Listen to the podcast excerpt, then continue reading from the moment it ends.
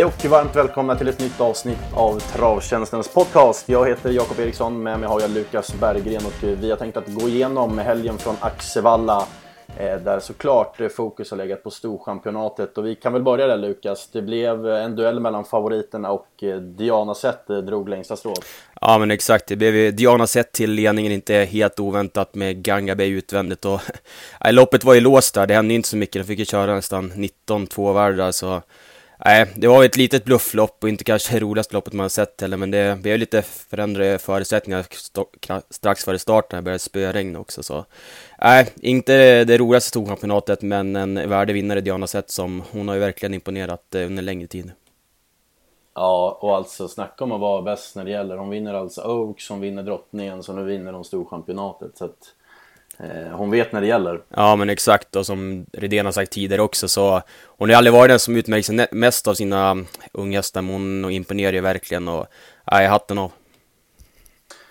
Men om man får ta sportsliga höjdpunkten från söndag som vi håller oss lite kortare där, då är det väl inget snack om att Elegant Ima var den man verkligen ja, man har tagit till sig honom tidigare, men det här, vilken jäkla insats. Ja, det var, det var ruskigt häftigt att se. Alltså, det var ju, man tyckte när man kollade upp när listorna på söndag, tänkte 75 procent, är en bra häst, men de möter en bra motstånd och sen när hon får svar invändigt där av Kommando Robert Berg, tänkte man, det här kan ju aldrig gå och eh, nej, men sättet hon avgör på, alltså det, är, alltså det är extremt, extremt läckert och hon kommer bli roligt och han kommer bli rolig att föra framöver också. 12, 12 och 4 springer alltså. Då, man ser ju Hulkens i som närmar sig men samtidigt Elegantima han har inte en tanke på att släppa sig vid någon. Så att, ah, den där har inställning utöver det vanliga. Det kanske man har förstått redan men satan vilken häst. Ja och jag antar att kriteriet är nog målet för mig för den hästen också. Jag gick in och klockade Hulkens i så på morgonen. Hade en 10, 10 sista 800 spåren. Då räckte inte. Då insåg att det är tufft att vinna. Ja verkligen. I övrigt så uh, Unetto Algar fick var tillbaka igen och vann årets första seger. Hon tidigt i spets och vann säkert. Ja, man har ju varit lite besviken på henne i år. Man trodde att hon skulle på förhand kanske ha en plats i Elitloppet. Men äh, kul att se henne tillbaka som en vinnare och eh, det var ju ett lämpligt lopp nu också. Hon fick ju köra sig till ledningen tidigt och äh, hon sträckte på sig bra. Även om Vici Grifta tycker jag var imponerad som tvåa. Hon äh, gjorde väl första starten mot den yppersta eliten så äh, plus på henne men kul att se Unet Algar tillbaka. Ja. Men om vi tar lördagen då, vi börjar i V751. Då var väl stora liksom snackisen hela veckan det var om favoriten Tycoon Broline skulle sköta sig. Han gick iväg i den ogiltiga starten men i väl den giltiga så vart det galopp direkt. Ja, han är ju verkligen inte att lita på. Alltså, han är ju, det är inte första gången han gör bort sig med galopp och han har ju ett temperament utöver det vanliga också så... Nej, tråkigt, det är ju en sån jäkla läcker häst. Man ser redan i uppvärmningen och i provstart och allting att eh, det finns mycket inombords. Men han har ju svårt att sköta sig och eh, när väl galoppen kom så blev det istället annans favoriten Lord Horse till, till spets.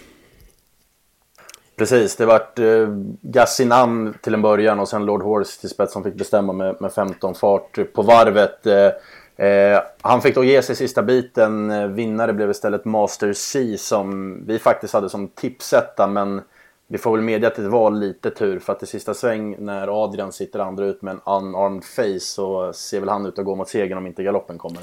Ja, det var min känsla också. Sen galopperade Kai Widells häst längre bak också så det löste sig för Master C men, ja, men ingen skugga över den avslutade ju riktigt vass och jag får ändå plussa för Stefan Persson. Jag tycker han kör, han tar, med, han tar för sig mer och mer och han körde ju ett snyggt lopp. Och det, ja, vi har sagt det förut i de här loppen, alltså har man en mindre betrodd häst också, att det är inte aldrig fel att testa och köpa innerspår. Har man naturen att det löser sig så då tjänar man ofta bra pengar också.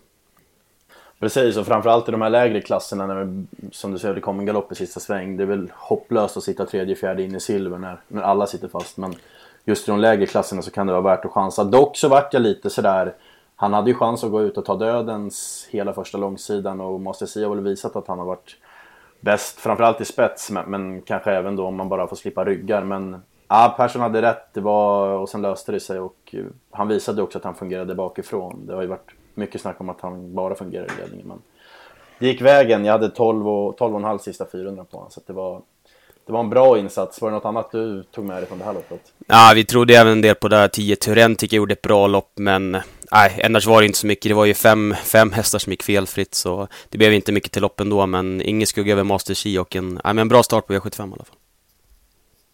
Och i V75 2 så vart det om en knappt men favoritseger till Sunettan Palema och vi har plussat för Krebas tidigare i den här podden och det får vi fortsätta göra. Ja men exakt, han, eh, han är ju väldigt optimistisk på förhand också men han har ju ofta fog för det också och Sunettan Palema det var ju pang till ledningen och eh, fick bestämma men gick ju undan och sträckte på sig säkert. Och liksom det som du säger, Krebas jäkligt duktig alltså ofta trevlig när man ringer och snackar med honom också. Det känns som att båda fötterna på jorden och ställer alltid upp och är man undan all framgång så ja, extra kul att Krevas vinner E75 återigen. Ja, och vilken skjuts han har fått sen, sen han har flyttat. Eh, ja, det är imponerande. Eh, annars från det här loppet, Princess Kloster var två från ryggledan. Eh, Cactus fick en tung sista 700 om Valle med seger. Welk attackerade tufft sista långsidan men vart ju stum till slut. Så att eh, Sunettan var väl Även fast Princess Kloster fick, fick chansen i tid så, så var hon ju aldrig nära på att gå förbi. Nej, det var ju, det var ju långt ner till trean också, men det kan vi plussa där för Princess Kloster samtidigt. Eh, redan på Vaggerid så värvde hon ju strålande, gick bra som fem efter galopp och även senast där hon galopperade kort före mål så eh, hon kommer ju förmodligen vinna på E75 inom kort. Jag noterar också Arbyggan gick bra i skymundan och sen vet jag inte hur mycket She Follow Me hade sparat. Tussarna var i rykten men hon såg i alla fall inte helt helt tom utöver mål. Hon fick ju aldrig chansen. Nej, det är också en häst vi har plussat för tidigare som är en jäkligt läcker häst. Och den, nej, den får man hålla koll på lite. V75 kanske är tufft, men ett vanligt V64-lopp på Eskilstuna något så ska, ska hon räknas. Om vi bläddrar till guld så vann storfavoriten Handsome Brad. Vi valde att dubbla systemet med Romanesk som vi hoppades skulle få till spets. Nu lyckades han inte hålla upp ledningen självmant, men Örjan kunde ju enkelt ta sig ut, komma före Jeppson och ta över två varv från mål. Snacket hade ju varit innan att ja, den här hästen kanske inte ska springa i spets, men vi tyckte ändå det skilde för mycket på sträcken och valde att plocka med honom. Men ja, det visade väl sig att han, han ska ha sina rygglopp. Ja, men du säger, det var väl loppets besvikelse. Jag tycker han såg så grymt fin ut där vid seger ungefär på Visby, men nej, han packade ihop redan 500 kvar och hade absolut inte sin bästa dag, men ingen skugga över Hanson Brad. Han fick ju ändå göra den tunga vägen eh, det mesta dels och sträckte på sig fint. Och, ja, det är kul att se honom tillbaka nu också. Han har ju verkligen, efter sin skadefrånvaro, har han verkligen kommit tillbaka på ett bra sätt. Och, eh, Stenström på hemmaplan, säkert en jäkligt skön vinst för honom. Han har säkert siktat mot det här ett tag också. Så nej, Hanson Brad var, den, han var bra. Ja, precis. Jag hade strax över 12 sista varv på honom. Men men man får väl plussa för, nu hade han ju problem med att hålla upp eh, aktionen, men Rajers Face eh, blir nog inte helt ofarlig om man sköter sig upploppet ner. Nej, det är min känsla också. Det är ju kul att se honom tillbaka. Han har ju mest startat under sadeln på slutet, men eh, man vet ju att det finns jäkligt mycket igen även när det handlar om trav. Och, äh, det var väl det var den man tog med sig loppet bakom som en överraskning. Annars var det kanske inte så mycket. Det var väl en ganska, ganska klen gulddivision. Det var väl två hästar som var sträckade och resten var ju en, en två procent i alla fall. Ja, vi får väl säga det. Det var, en, det var en, en dålig gulddivision och det var väl, vi kommer väl till det nu på lördag så såg det inte heller, heller jättebra ut. Men, men vi tar det senare om vi hoppar till ungdomsloppet i V754 och här kan man väl säga att det var klassblandning. Ja, vi hade ju bra känsla för Iowa de Quattro och det var ju också två hästar. Den och Wild Love som gjorde upp om det in på upploppet. Jag hade väl rätt bra feeling att han skulle klara Iowa de Quattro 400 kvar. Det är en sån här som verkligen går hela vägen in. Men alltså Wild Love, hon får sitt lopp på rulle och sparar ut speeden, alltså hon är ju jäkligt läcker. Ja, och vass av henne för att eh, jag hade 9,5 sista 700 på henne och hon 400 kvar har hon långt fram men, men Ivory Cutter börjar bli trött sista 200 och Wild Love visar ju vilken, vilken hårdhet den hon har skaffat sig. Hon håller ju farten hela vägen in och, och vinner till slut faktiskt ganska enkelt. Så att, ja, bra båda insatser men framförallt plus till Wild Love. Då. Ja, jag håller med. Annars här var det långt ner till övriga. Jag vet inte om vi behöver nämna någon där bakom. Det var som sagt många statister i det här loppet. Ja, jag håller med. Det var ju ruskigt, ruskigt långt bak. Sådana som Nisse Sonne gick ju bra som fyra om man kanske jagar lite enklare lopp fram, eller tidigare, men nej, nej, bakom sagt, det var inte mycket man tog med sig. Det var, det var klassblandning. Så var det. Eh, och i V755 så fick vi, ja väl egentligen omgångens största skräll blev det va, i Pastor Power. Eh, jag noterade innan att han har startat 16 gånger i guld. Första gången 26 eh, oktober i fjol. 16 starter efter det utan seger men i 17 kom det. Eh, man får säga att det var välförtjänt. Ja, verkligen. Det är ju sådana här hästar som spelarkollektivet har jagat länge. Han har gått bra, suttit fast, men haft svårt att sätta nosen först. Men nu, nu fick jag ju verkligen ett bra lopp och det var ju hårt tempo där framme. Och, eh, han fick egentligen vinna när man såklart hade inte hade med på systemet, men eh, det var en jäkligt... Alltså han, eh, han stod verkligen på tur för en seger, det måste man ju lugnt säga. Ja, precis. Vi, vi hade han en bit ner och jag måste erkänna att det var, det var en svår vinnare för mig att, att hitta Sport 12. Och han, man har väl lagt in honom lite i facket som en sitta fast-häst men som inte kanske gärna sen han har kommit upp i silver är först. Men, men eh, ja, han fick verkligen betalt på formen och extra kul ändå när en sån här följehäst som startar i stort sett varje månad och kontinuerligt på silver får, får vara först. Men om vi tar loppet så draget vart ju på Ubiquarian Face. Han öppnade inte så bra som vi och många andra hade trott. Han vart ju hängandes istället. Vart det Norton Commander till ledningen. Eh, tufft tempo men inte heller han eh, stod pall. Nej, exakt. Jag hade också bra feeling där för Ubicarian Face, men när man fick dödens hårt tempo så kändes det hopplöst. Och Norton Comani, när han kom till ledningen ganska billigt så tänkte man att han, är han tillbaka i gammalt gott slag så kan han bli svårslagen, men han, han visar ju återigen att formen sitter ju inte där och kan, han slutar i det slagna fältet, så det var tråkigt. Och, eh, sen måste jag ändå nämna att Zidane Griff som var favorit var väl tveksam redan på förhand och eh, han såg ju bedrövligt ut hela loppet. Ja, jag håller med. Det var det var rätt, rätt av oss att gå emot. Visserligen vann han i årsdebuten men, men vi var inne på redan där att han inte såg bra ut. Så att, eh, ja, det, var, det var en tveksam favorit helt klart. Ja, ja exakt. Och sen, ja, men jag hade ju tipsen där näst, när senast startade och den, ja, den travade inte någon gång i loppet. Redan i kvalloppet som jag såg så såg det också bedrövligt ut. Så nej, då var ju mycket tuffare mot nu också. Att han ska, att han ska vinna kändes väl... Nej, det var, det var som sagt helt rätt att steka den favoriten. Om vi går till bronsdivisionen i V75 6 så vart det ju uppmålat som en duell mellan Cab Lane och Armor As. Spår 1 mot spår 12. Vi hade bra feeling för Armor As och eh, vi hade faktiskt känslan att han skulle slå Cab Lane utvändigt. Det gjorde han, visserligen med knapp marginal, men ja, det var ändå aldrig nära segern. Nej, exakt. Det var ju Cab Lane till spets. Eh, jag tycker ju att Cab Lane är en sån här som man verkligen har, har jagat och gillat tidigare med lopp i kroppen från ledningen. Man hade väl lite fint att han skulle kunna bli svårslagen, men han har ju inte den rätta formen och det var ju ett tag sedan han var bra nu också. Och, nej, Armoras insats var ju klart godkänd, men nej, det blev ju för tufft att stå emot sådana som Adesso som, är, som har visat bra form längre tid och även Andrew Ward som till slut eh, gick undan med segern.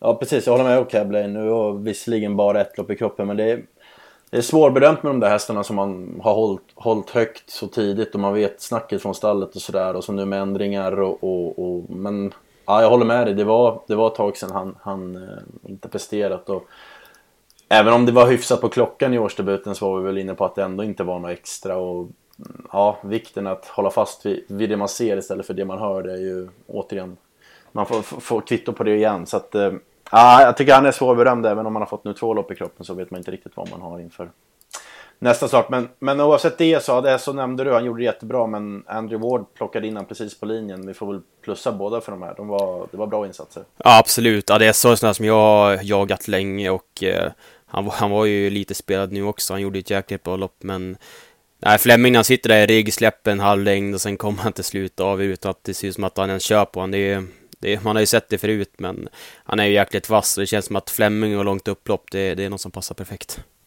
Ja, exakt. Och framförallt för Andrew Ward som har... Han går ju hela vägen. Han är väl inte den speedigaste, men, men som du säger, han håller, håller farten länge. Yes. I eh, klass 1, V757, här fick vi se... Eh, ja, det är inte ofta man ser sådana här 07 första 500, 8,5 första 1000 i den här klassen. Det, ja, snacka om att det gick undan.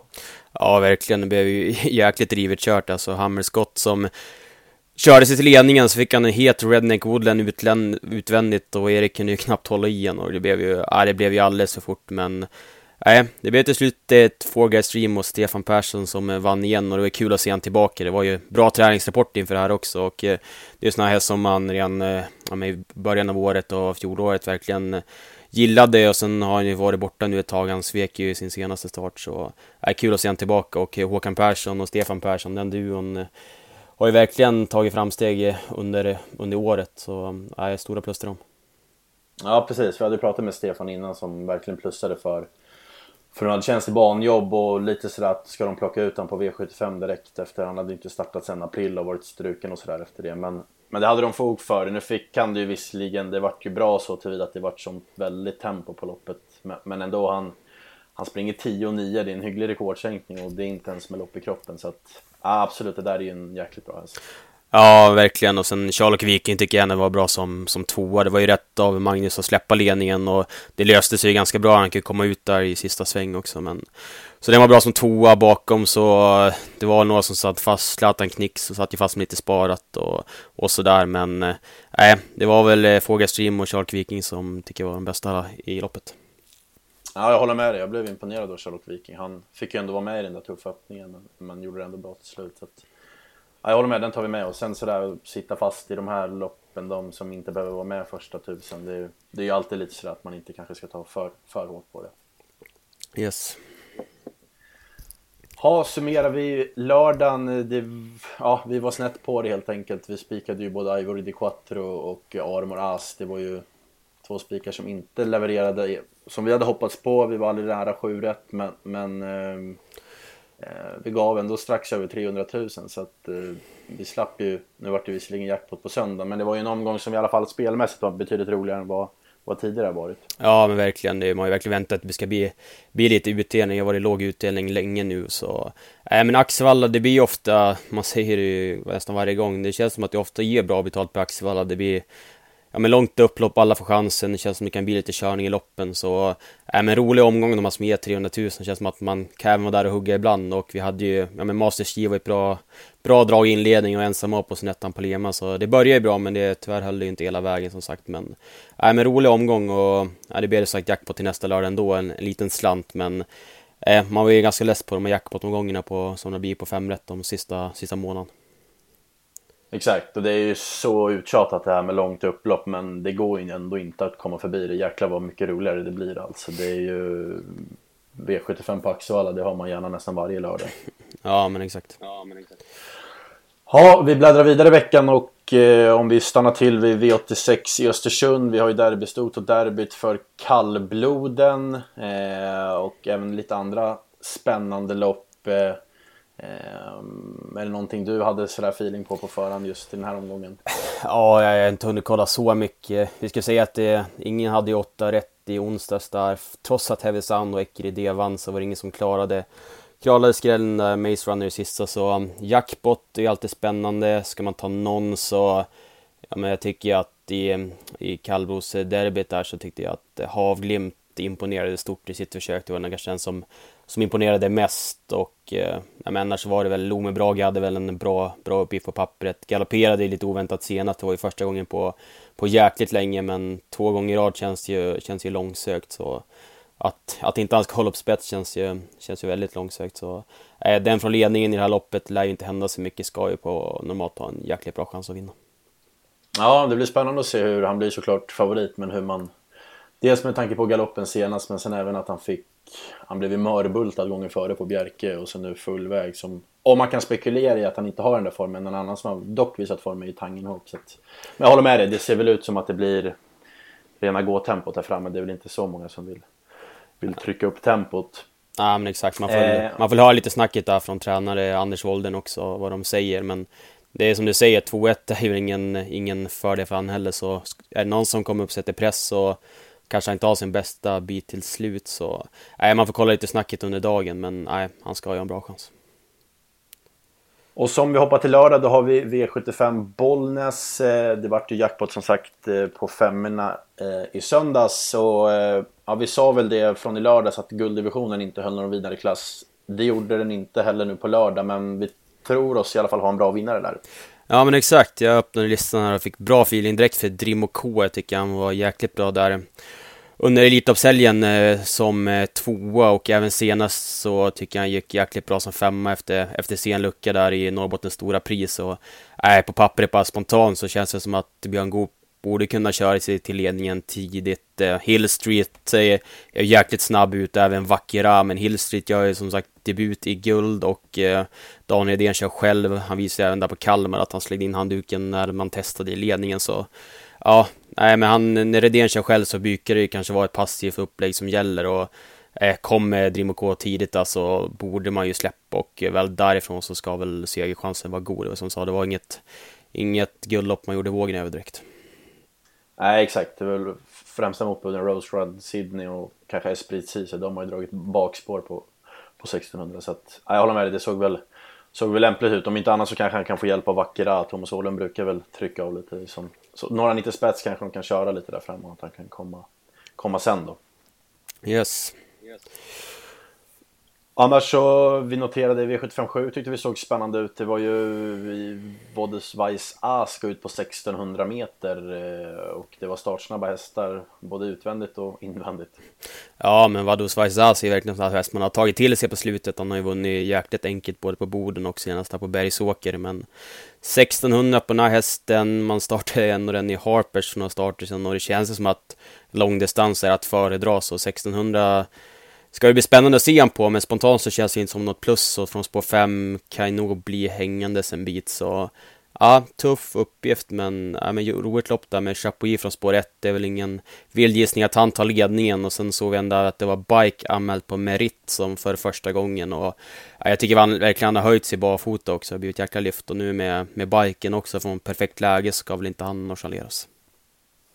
Precis, och sen hade ju Daniel, nu ska vi säga att vi har inte någon av oss har hunnit kolla upp honom än, men han hade en, en italienare som debuterar från Sport 10 som spännande. Han var anmäld i alla fall barfota med jänkarvagn direkt så att vi får väl kika upp dels hur han har gjort i Italien men även vad, vad snacket är från Daniel. Men ja, det var en kul avslutning, det går att spekulera lite olika hur, hur kanske inte hur exakt det blir kört men i alla fall det var ingen given vinnare sådär. Nej, nej men spontant populär tycker jag när man kollar loppen att det kändes, kändes spännande. Även Silver där i första med 2,6 och voltstart och som nog blir jäkligt jämspelat med Westom Duo från springspåren och Nej men bara spontant tycker jag att det var, var ett roligt lopp där. Champlain i V72 är också imponerad men det är även första gången på V75 och spår 8 och rätt så orutinerad, har ju bara gjort sex starter. Det är väl ingen, det är väl inte bara jag som säger det, men hästar som inte har gjort så många starter, att gå ut och spika på E75 brukar ju vara ett, ett stort no-no i stort sett, men äh, jäkligt läcker häst. Men nej, men spontant känns det som en rolig omgång. Alltså, efter som du säger, några veckor där jag var lite favoritbetonat, så känns det som att, äh,